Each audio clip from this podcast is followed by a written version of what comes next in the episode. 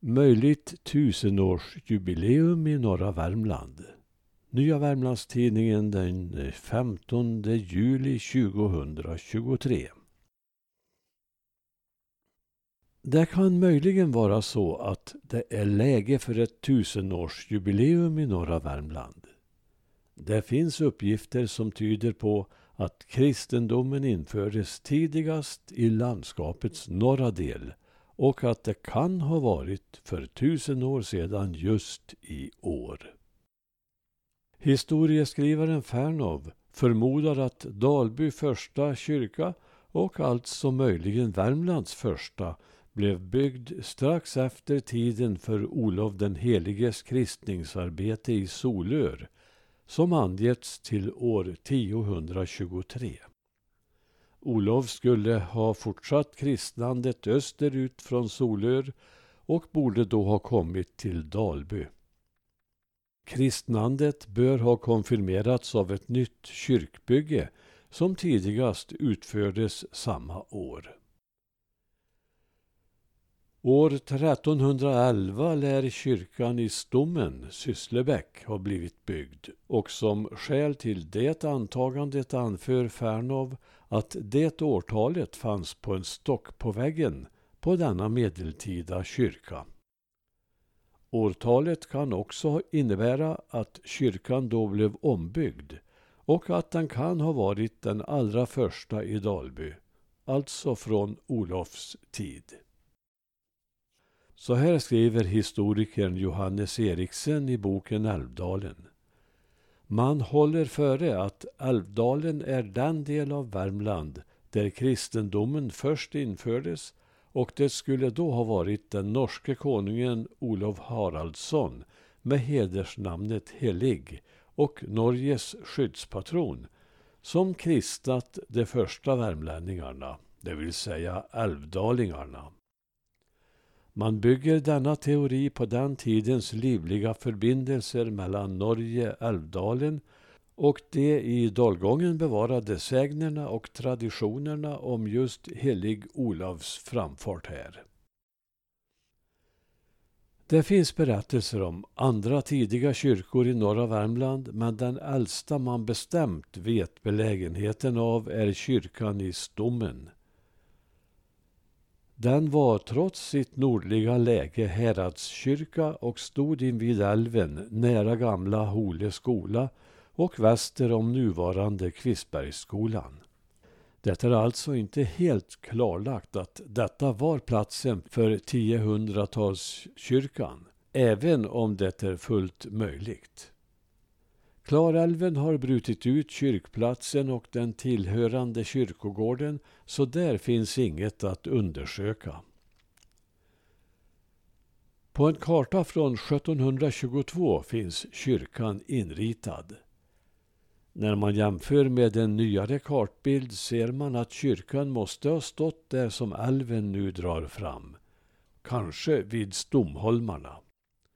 Här forsar älven och det måste ha varit en särskilt kraftig erosion på platsen sedan dess. Kyrkan stod kvar flera år efter att den tagits ur bruk 1726. Resenären Noak Hedren besökte platsen 1831 och kunde berätta Blott ett litet hörn av kyrkogården finns kvar.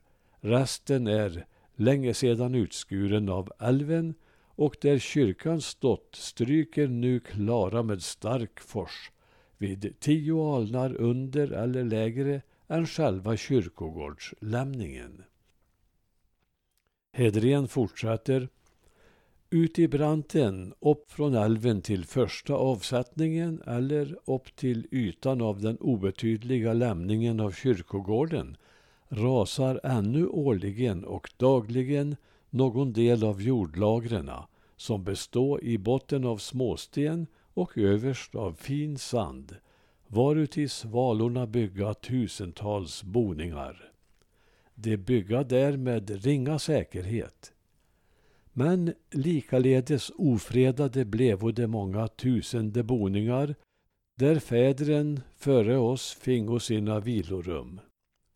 Jag såg en mängd av människoben bortsköljas med älven och varenda dag framskjuter ett sådant tills det fortsatta raset slutligen bortfört dem alla. Slut på citatet. Till kyrkan hörde alltså en kyrkogård som man ser på den gamla kartan. Och långt in på 1900-talet påträffades benknotor i sandbranten mot den nötande älven.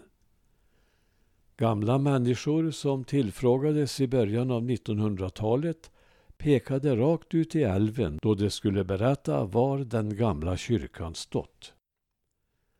Redan i början av 1700-talet blev man uppmärksam på att kyrkan började hotas av erosionen. Lars Bäckvall skriver 1922 så här. På kyrkostämma i Dalby socken den 24 i 8 1706 förmäldes att Storälven har mycket begynt att bryta mitt för kyrkan så att hon och kyrkogården med tiden kunde stå i fara. Ty förmantes församlingen söka något medel mot dess brytande, det hon lovade med flit förrätta vid lägligt tillfälle. Nu är som det uppgives kyrkogården utbruten av älven helt och hållet och en betydande mängd lämningar måtte då följt med i djupet då här har varit begravningsplats i omkring 400 år. Att något blivit tillvarataget och fört till annan vigd jord lär ej vara fallet. Bland mera bemärkta män som efter största sannolikhet blivit jordade här nämnas kyrkoherden i Dalby och Ny, Andreas Svenonis, död 1655, kaplanen Nikolaus Laurentius Helsbeckius, död 1676 och hans son klockaren Sven Nilsson, den första kända klockaren i Dalby, död 1713 och riksdagsmannen Lars Olsson i Gunneby, död på 1600-talet.